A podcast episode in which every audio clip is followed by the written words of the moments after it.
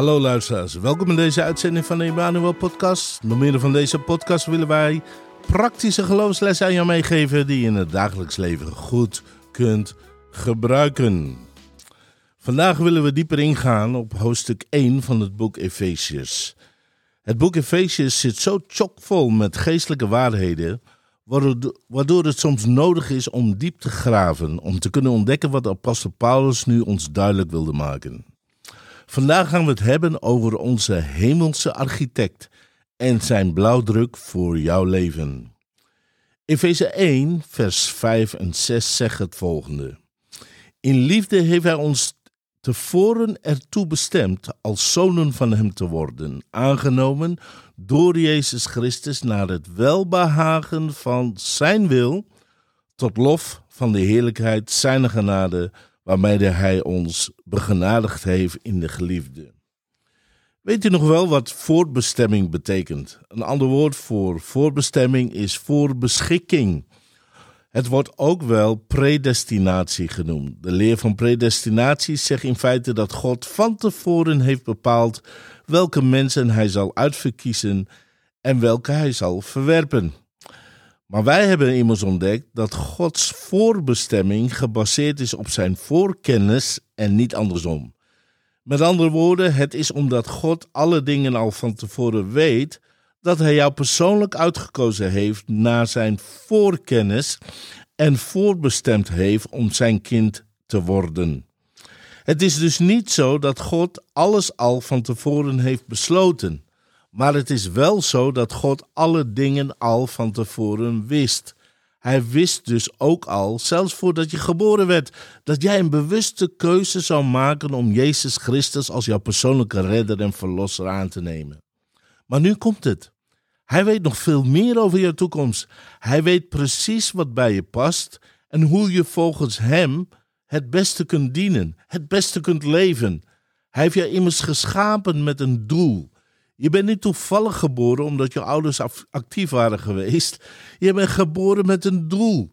Zelfs al zou het zo zijn dat je ouders jou niet echt gepland hadden, God heeft jou wel gepland. Dat is de echte reden waarom je er bent. Dat is de reden waarom je bestaat. Men denkt vaak dat het doel van het leven is om gelukkig te zijn. Maar God heeft jou niet primair geschapen om gelukkig te zijn. Gelukkig zijn is slechts een bijproduct. God heeft je ook niet geschapen om succesvol te zijn. Dat, ook dat is slechts een bijproduct. God heeft jou geschapen, staat er, naar het welbehagen van zijn wil. Daar is waar jij jouw volle, ware voldoening kunt vinden.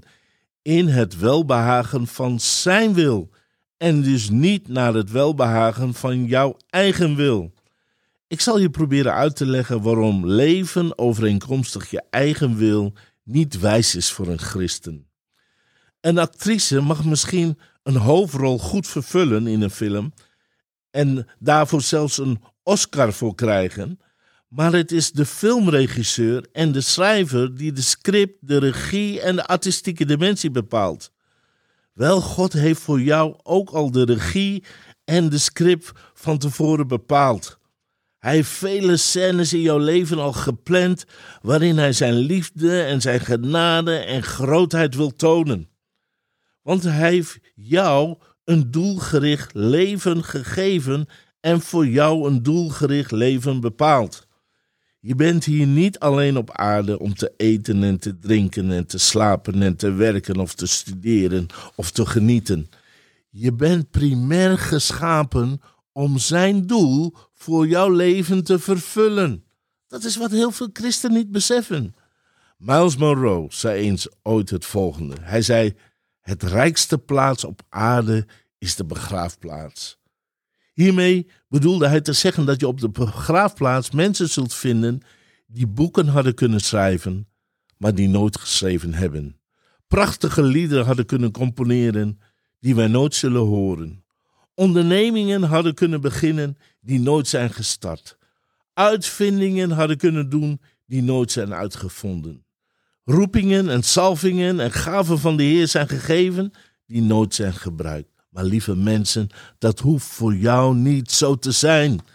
Daarom is een echte overgave een krachtige, een van de meest krachtige beslissingen die je vandaag nog kunt doen.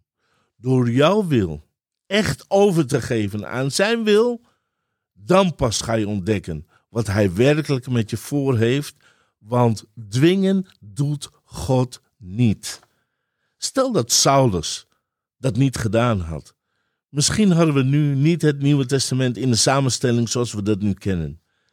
Maar het eerste wat Saulus zei toen hij zich bekeerd had was: Wat wilt gij dat ik doen zal? En nu kennen we hem als de grote apostel Paulus, die een derde van het Nieuwe Testament heeft geschreven. Wij moeten begrijpen, lieve mensen, dat God onze hemelse architect is. Net zoals een aardse architect zijn tekeningen en een driedimensionele ontwerp al klaar heeft liggen voordat er ook maar één steen gelegd is, al zo had God zijn plan voor jouw leven al lang klaar liggen. En als we één ding mogen weten, is dat God een zeer bouwkundig bouwmeester is. Hij is niet de timmerman, hij is niet de loodgieter, nee, hij is de architect en de bouwmeester van ons leven. En hij heeft alle berekeningen op jouw leven al uitgevoerd en hij weet precies wat je wel of niet aankan. En een van de redenen waarom sommige christenen in de gemeente het soms niet meer aankunnen, is omdat zij willen bouwen volgens hun eigen tekening en volgens hun eigen ontwerp. Zij willen zelf aan de tekentafel zitten van hun eigen leven en bediening. En, ze leven misschien niet echt een leven in zonde, maar doen gewoon wat zij zelf willen, zonder ooit af te vragen wat God eigenlijk voor hun leven van tevoren gepland heeft. Ze denken dat zij zelf wel de wijsheid bezitten om alle calculaties correct uit te voeren. Maar dan merk je al gauw dat mensen fouten kunnen maken en dat het leven of het werk van de Heer weinig of geen vrucht draagt. Dat is de reden, lieve mensen, waarom we het volgende kunnen lezen in Psalm 127, vers 1. Als de Heer het huis niet bouwt, te vergeefs zwoegen de bouwlieden daaraan. En als de Heer de stad niet bewaart, te vergeefs waakt de wachter. Al onze inspanningen, al onze ambities, al ons werk, alles wat we doen, is allemaal te vergeefs wanneer we niet ons leven en bediening bouwen volgens Gods patroon. Te vergeefs betekent zonder vrucht, nutteloos, zonder resultaat, zonder succes. Het patroon is de blauwdruk dat onze hemelse architect heeft gemaakt voor jou en voor zijn gemeente. Daarom is het ook wijs te luisteren naar de vijfvoudige bediening die God gegeven heeft aan zijn gemeente. Weet je, apostelen zijn in feite kundige onderbouwmeesters die de stenen weten te plaatsen. En leraren zijn hen die de levende stenen weten te slijpen. En voorgangers of herders zijn hen die de levende stenen aan elkaar weten te voegen. En evangelisten zijn hen die de dode stenen weten te vinden om hun tot leven te wekken met het evangelie. Daarom wil ik afsluiten met de volgende vraag. Kan je echt zeggen dat jij een levende steen bent in Gods huis? Of heb je jezelf een functie toegekend waartoe de Heer je helemaal niet geroepen heeft? Of misschien ben je geen levende steen in Gods huis, maar een steen die nog ingemetseld moet worden. Dan wil ik jou met het volgende bemoedigen. Er staat namelijk in 1 Petrus 2 vers 4, daar staat en jullie moeten jullie ook zelf laten gebruiken. Laat je gebruiken als levende stenen waarmee een geestelijk huis wordt gebouwd. Lieve mensen, God heeft jou niet gered zodat je op een zondag alleen naar de kerk kan gaan, een liedje sting, uh, zingt en een stoel verwarmt en een preek aanhoort. En ik zeg ook het volgende: God heeft jou ook niet alleen maar gered zodat je in de hemel kunt komen. Nee, hij heeft jou gered met een doel die jij alleen op aarde kunt vervullen en niemand anders. En dat doel ligt al klaar. Je hoeft het alleen nog maar te vinden door overgave en te wandelen door geloof. God daagt jou uit om een gebed van overgave te bidden. En misschien, als je misschien niet weet hoe dat moet, dan ga je het volgende met mij bidden. Vader in de hemel, ik dank u dat u een plan voor mijn leven hebt gemaakt.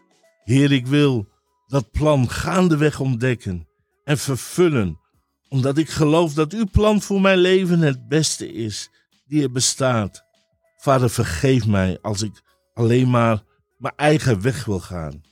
Daarom geef ik nu mijn eigen wil aan u over. Mijn eigen ambities geef ik aan u over. En doet u maar met mij wat u goed dunkt. In de naam van Jezus. Amen. Oké, lieve mensen, we zijn weer aan het einde gekomen van deze les. En ik hoop dat je opgebouwd bent en dat je over dit soort dingen verder zult nadenken. Maar voor nu wens ik jou heel veel zegen en tot de volgende keer.